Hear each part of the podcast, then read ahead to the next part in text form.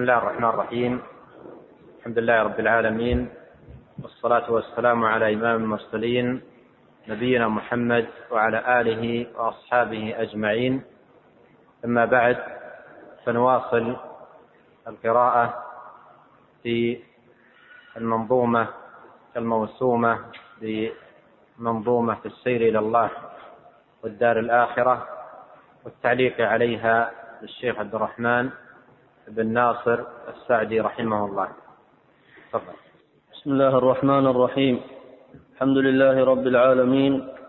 صلى الله وسلم وبارك وأنعم على عبده ورسوله نبينا محمد وعلى آله وصحبه أجمعين. أما بعد فيقول الشيخ رحمه الله تعالى نزلوا بمنزلة الرضا فهموا بها قد أصبحوا في جنة وامان منزلة الرضا أعلى من منزلة الصبر فإن الصبر حبس النفس وكفها على ما تكره مع وجود منازعة فيها وبالرضا تضمحل تلك المنازعة ويرضى عن الله رضا مطمئن منشرح الصدر بل ربما تلذذ بالبلاء كتلذذ غيره بالرخاء. وإذا نزل العبد بهذه المنزلة طابت حياته وقرت عينه ولهذا سمي الرضا. ولهذا سمي الرضا جنة الدنيا ومستراح العابدين.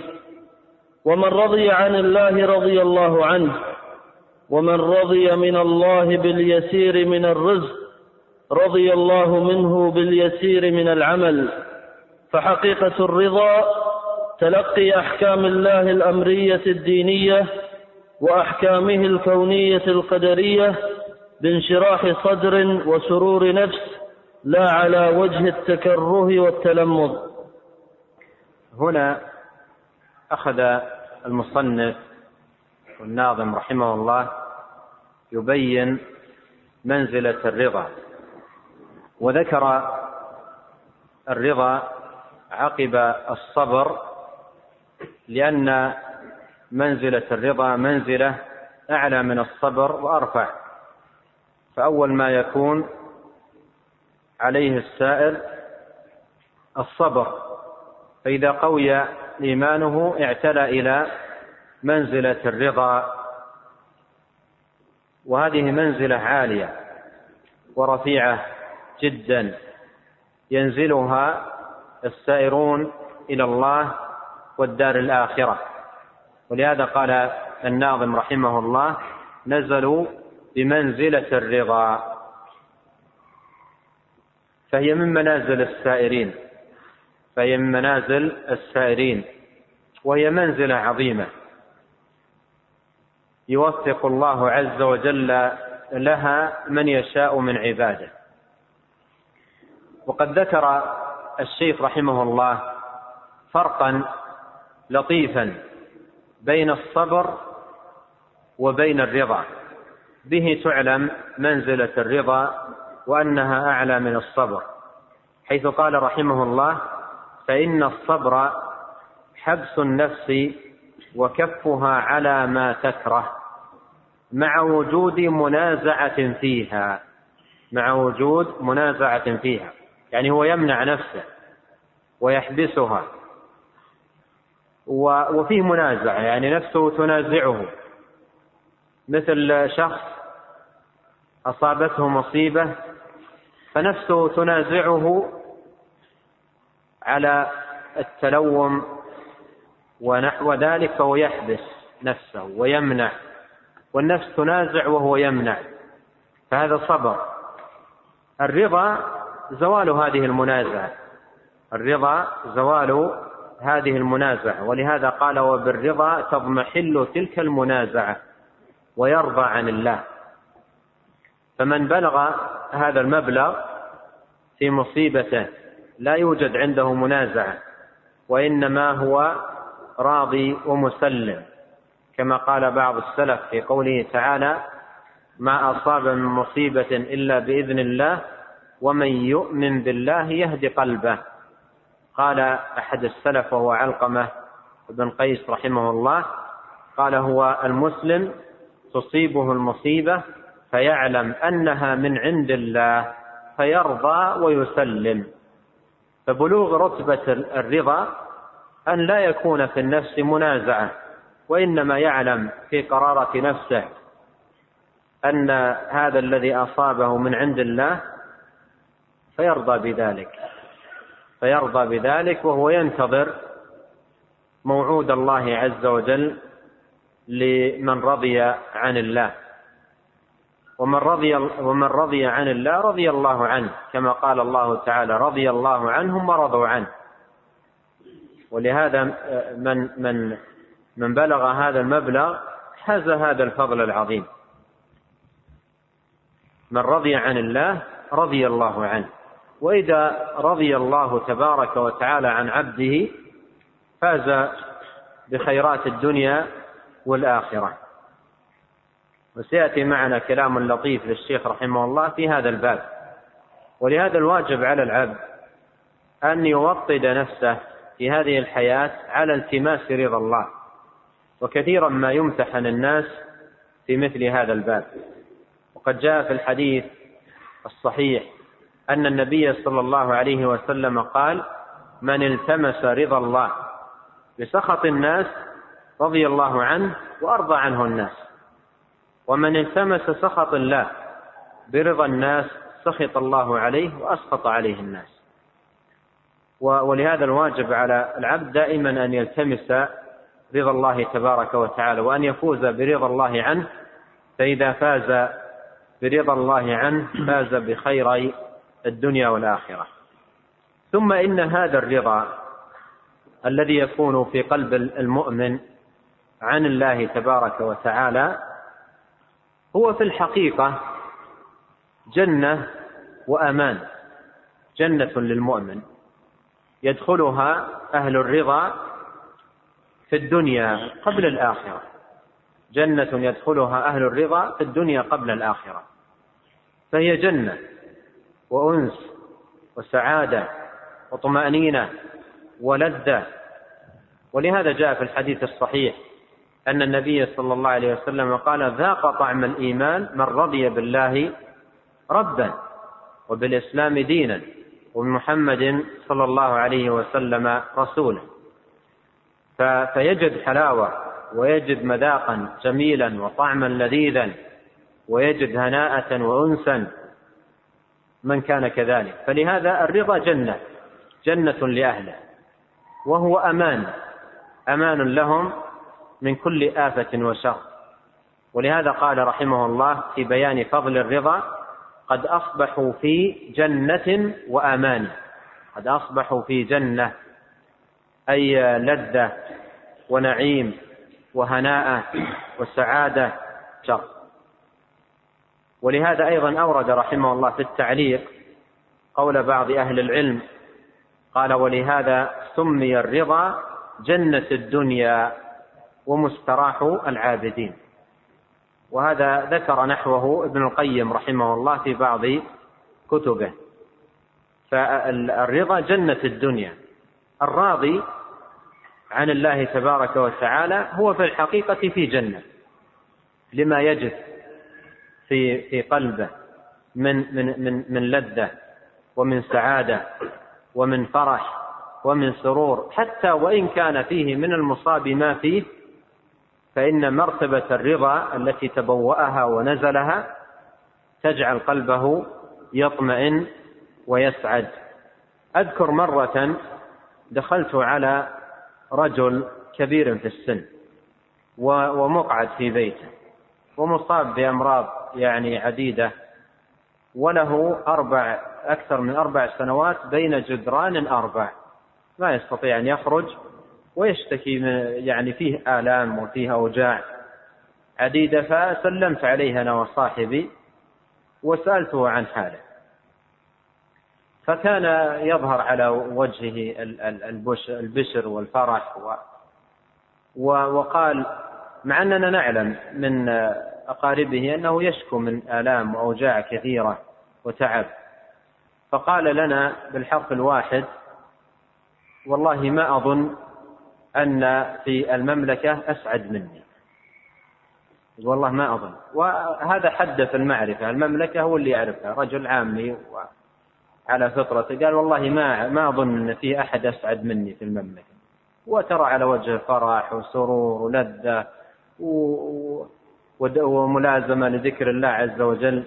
ثم ترى أناس في صحة وعافية وأموال كثيرة وممتلكات وتجد فيه الهم وتجد فيه الغم وتجد فيه ضيقة الصدر وتجد. إذا الجنة ما هي بكثرة المال ولا هي بتوسع الرئاسات ولا بغير ذلك وإنما الجنة التي يلتذ بها الإنسان حقا ويسعد بها صدقا الرضا عن الله تبارك وتعالى.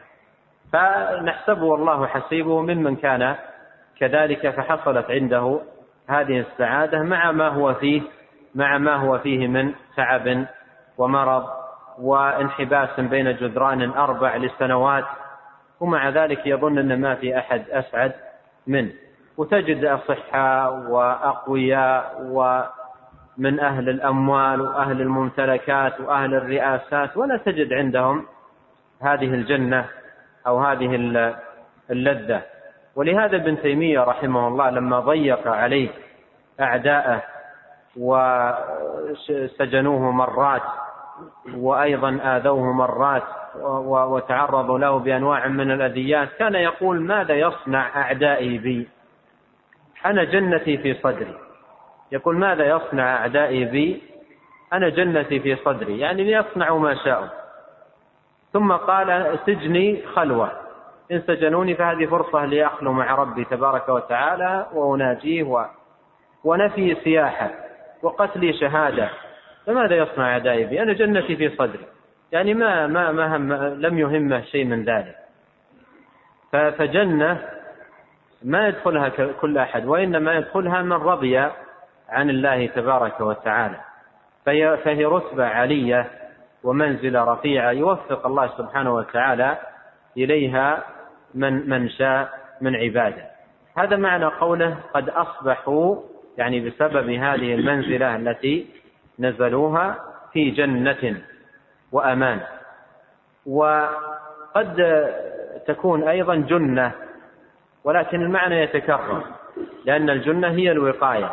وهذا المعنى موجود في قوله وأمان.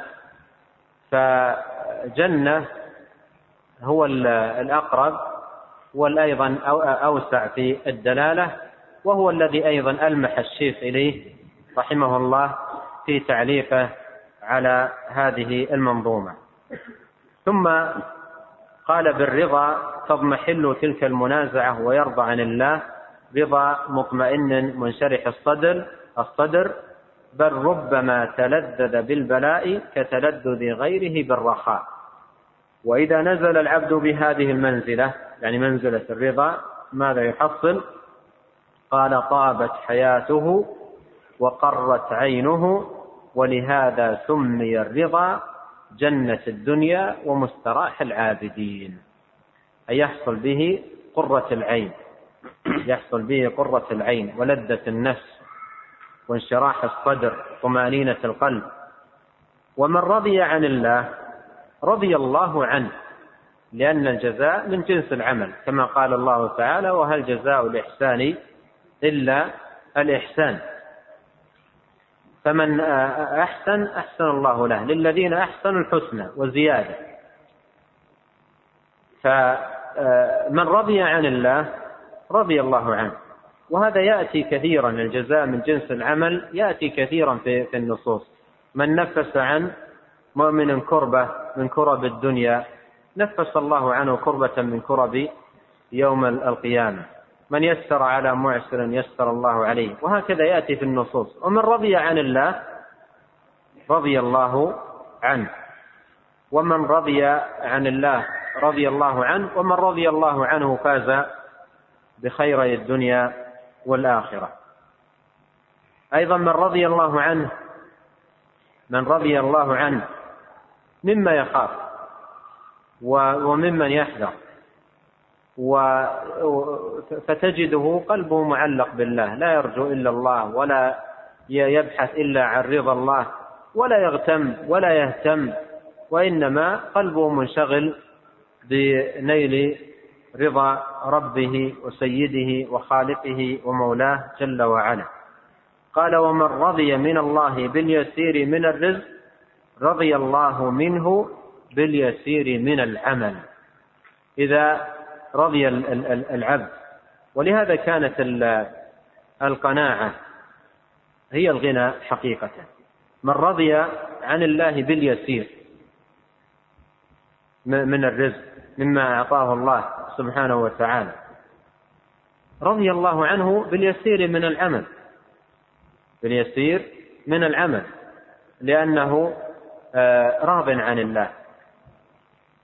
ما عنده من الرزق قليل ومن المال يسير ينظر يمينا ويسارا يجد اناسا يمتلكون اموالا طائلة ويجد نعما متنوعة وهو راضي بما أعطاه الله. رضي من الله باليسير. فيجازيه الله سبحانه وتعالى بأن يرضى عنه بالقليل قال ومن رضي عن الله من الله باليسير رضي من العمل باليسير من العمل. ثم بين حقيقة الرضا. قال تلقي أحكام الله الأمرية الدينية وأحكامه الكونية القدرية بانشراح صدر وسرور نفس لا على وجه التكره والتلمذ. وهذا من أحسن ما يكون في تعريف الرضا وبيان حده. الرضا ما هو؟ قال الرضا عن أحكام الله. عن أحكام الله. وأحكام الله على نوعين. أحكام دينية شرعية. وأحكام قدرية كونية. فالأحكام الشرعية الدينية أن ترضى عنها كيف؟ إذا أمرك الله بأمر أو نهاك عن نهي فأنت تقابل ما أمرك به بانشراح صدر وطمأنينة قلب وفرح. لا لا لا تصلي وأنت تجد الصلاة ثقيلة ولا تصوم وأنت تجد الصيام ثقيل. لا تتصدق وأنت تجد الصدقة ثقيلة وإنما أن تركك للمحرمات. تتركها وأنت مغتبط وفرح ومسرور لأنك تعمل في في رضا ربك تبارك وتعالى. فيتلقى الإنسان المسلم أحكام الله الشرعية الدينية بالرضا. وفي الوقت نفسه أيضا يتلقى أحكامه الكونية القدرية بالرضا.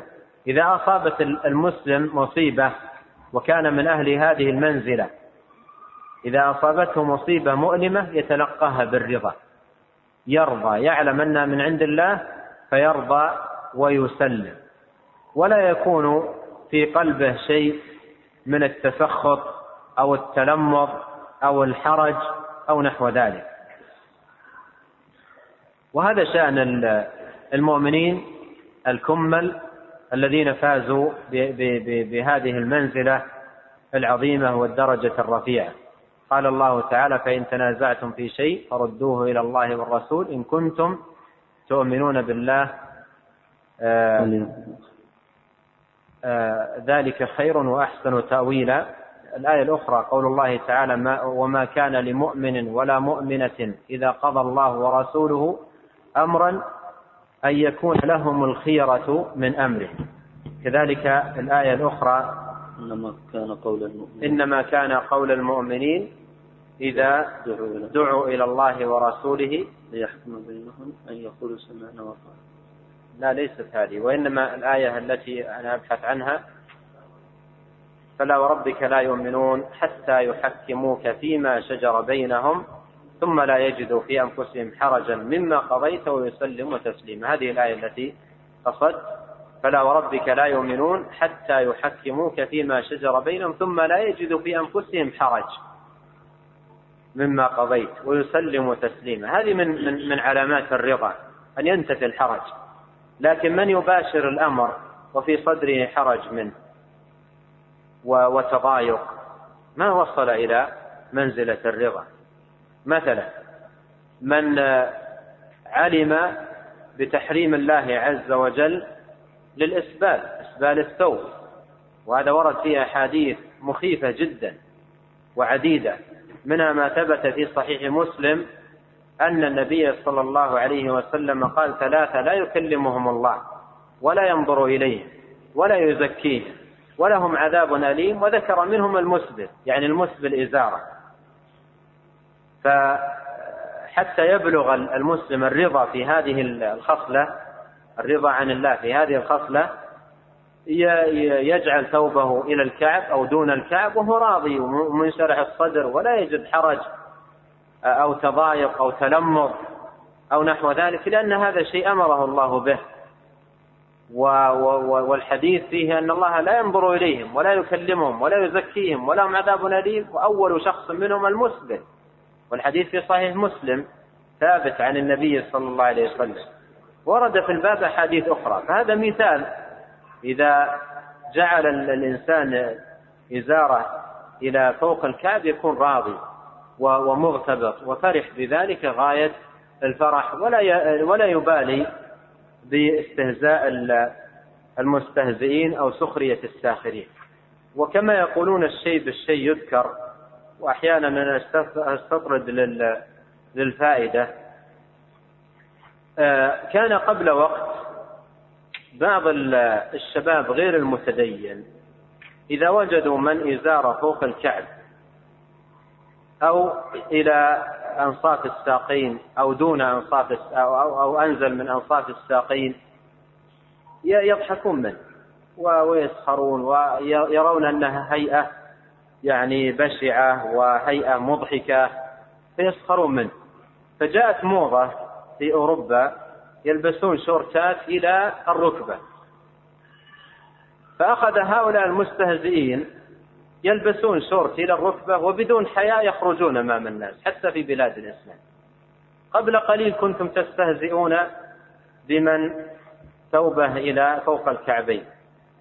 وترى أنها ولا أن تخرج بسروال إلى فوق الركبة وأحيانا جزء من الفخذ يبدو ويمشي بين الناس وجزء من عورته بادي ويرى أن لباسه أحسن لباس. وهو نفسه قبل قليل كان يضحك ويسخر بمن يتبع السنة. فنسأل الله عز وجل السلامة والعافية. وهذا أقول من باب التنبيه وأن وأن هذه من عقوبة مثل هذه السخرية. يعني ما ما يسخر به يفعل أمور قبائح. يعني هذا اللب هذا نوع من اللباس يفعل المسلم تسننا وطلبا لرضا الله سبحانه وتعالى. وهو كما جاء في قول عمر بن الخطاب رضي الله عنه اتقى لقلبك وأرضى لربك. اتقى لقلبك وأنقى لثوبك. فيفعل المسلم مغتبطا فرحا تسننا. فهؤلاء لما سخروا بالسنة ابتلوا والعياذ بالله بهذه الهيئة القبيحة من اللباس. فيخرجون أمام الناس بهذه الصفة. نسأل الله عز وجل العافية والسلامة ونسأل الله جل وعلا بمنه وكرمه لهم الهداية والعودة إلى الحق والصواب. ثم نعم انتهينا الآن من كلام الشيخ على منزلة الرضا. قال رحمه الله شكر الذي أولى الخلائق فضله بالقلب والأقوال والأركان. الشكر يكون بالقلب وهو الاعتراف بنعم الله والإقرار بها وعدم رؤية نفسه لها أهلا بل هي محض فضل ربه ويكون باللسان وهو الثناء على الله بها والتحدث بها ويكون بالجوارح. وهو كفها عن معاصي الله والاستعانة بنعمه على طاعته فإن أعطاه شيئا من الدنيا شكره عليه وإن زوى عنه شيئا منها شكره أيضا. إذ ربما كانت نعمته عليه صارفة منه شرا أعظم منها. وإن وفقه لطاعة من الطاعات رأى المنة لله في توفيقه لها وشكره عليها. والله المستعان. ثم ذكر رحمه الله هذه المنزلة العظيمة من منازل السائرين إلى الله والدار الآخرة وهي منزلة الشكر. والشكر منزلة أعلى من الرضا. والناس في وأهل الإيمان في المصاب على ثلاثة أقسام. قسم يكون منه الصبر وقسم يكون منه, منه الرضا وقسم يكون منه أمر أعظم من ذلك وهو شكر الله عز وجل. فهذه منزلة عالية من منازل السائرين إلى الله جل وعلا والدار الآخرة. ثم تكلم رحمه الله في بيان أن الشكر ليس باللسان فقط كما يظنه كثير من الناس. فقال شكر الذي أولى الخلائق فضله بالقلب والأقوال والأركان. وهو هنا يبين رحمة الله عليه أن الشكر يكون بالقلب ويكون باللسان ويكون بالأركان وهي الجوارح. فهذه كلها يكون يكون بها الشكر. فليس الشكر باللسان فقط بل بالقلب واللسان والجوارح. أما القلب فإن شكره هو اعترافه بنعمة الله وإقراره بأن الفضل فضل الله وأن النعمة من الله عز وجل. فيعرف بقلبه ويقر بقلبه أن هذه نعمة, نعمة الله عليه. ولا يكون كمن قال الله عنهم يعرفون نعمة الله ثم ينكرونها. بل يكون مقرا آه، مؤمنا في قرارة نفسه بأن ما آه، بلغه من خير ووصلت إليه من نعمة هي فضل الله تبارك وتعالى ومنته عليه. هذا شكر القلب وشكر اللسان. الثناء على الله. وكما جاء في الصحيح ليس أحد ليس أحد أحب إليه المدح من الله. فالله عز وجل يحب من عباده أن يثنوا عليه. ويحب من عباده أن يحمدوه جل وعلا على نعمه. ولهذا جاء في الحديث الصحيح أن النبي صلى الله عليه وسلم قال إن الله ليرضى عن عبده أن يأكل الأكل فيحمده عليه ويشرب الشرب فيحمده عليه. فهو تبارك وتعالى يحب من عباده الحمد والثناء والشكر وهو أهل الحمد والثناء والشكر سبحانه وتعالى. فشكر اللسان بالثناء على الله. وحمد الله تبارك وتعالى والتحدث بنعمة الله كما قال كما قال الله جل وعلا وأما بنعمة ربك فحدث. هذا كله من شكر النعمة. قول المرء هذا فضل الله هذه نعمة الله هذه منة الله نحمد الله عز وجل نشكر الله من الله علينا. هذا كله من شكر النعمة. ويناقض ذلك إضافة النعمة إلى غير المنعم كمن يقول عندما تنزل عليه نعمة نسأل الله العافية يقول إنما أوتيته على علم. أو يقول نحن نستحق هذا. أو يقول أنا جدير به. أو يقول هذا بعرق جبيني وبشطارتي وبحفظي وبنباهتي. أو يقول أنا أستحق أو نحو ذلك. هذا كله مما يتنافى مع الشكر. فمن فمن أنعم الله عليه من شكر النعمة أن يتحدث بنعمة الله. يقول هذا فضل الله علي لولا فضل الله ونعمته علي لما حصل لي ذلك. أحمد الله أشكر الله. أحمد المنعم. وهكذا يكون شاكرا لنعمة الله عليه. شاكرا لأنعمه. فهذا شكر اللسان وشكر الجوارح أن يستعمل النعمة في طاعة الله. أن يستعمل النعمة في طاعة الله وفيما يرضي الله تبارك وتعالى. فتكون النعمة دائما وأبدا يجاهد نفسه على استعمالها فيما يرضي الرب. نعمة السمع نعمة البصر نعمة اليد نعمة الطعام اللباس القوة. الصحة المركب المسكن كل هذه النعم شكر الله عليها أو من شكر الله عليها أن يجتهد الإنسان في استعمالها فيما يرضي الله تبارك وتعالى. فإذا استعملها في غير طاعة الله فهذا من من نقص الشكر وضعفه. ولهذا قال الله تعالى اعملوا آل داود شكرا. الشكر يكون أيضا بالعمل. بالعمل بأن يستعمل ما أنعم الله عليه فيما يرضي الله تبارك وتعالى. وإذا تذكر المرء أن صحته وعافيته وماله والأرض التي يمشي عليها والقوة التي يمشي بها كل ذلك منا من الله. وتذكر رؤية الله سبحانه وتعالى له واطلاعه عليه فإنه يكف عن المعاصي وينتهي عن فعل الخطيئات. ولهذا يذكر أن رجلا أتى إلى أحد أهل العلم وقال إنه يريد ارتكاب معصية من المعاصي. فقال له لا بأس ارتكبها ولكن لا تستعمل وأنت ترتكب هذه المعصية شيء من نعمة الله عليك. يعني أن ترتكب هذه المعصية لكن لا تستعمل في أثناء ارتكابها شيء من نعمة الله عليك. قال ما أستطيع؟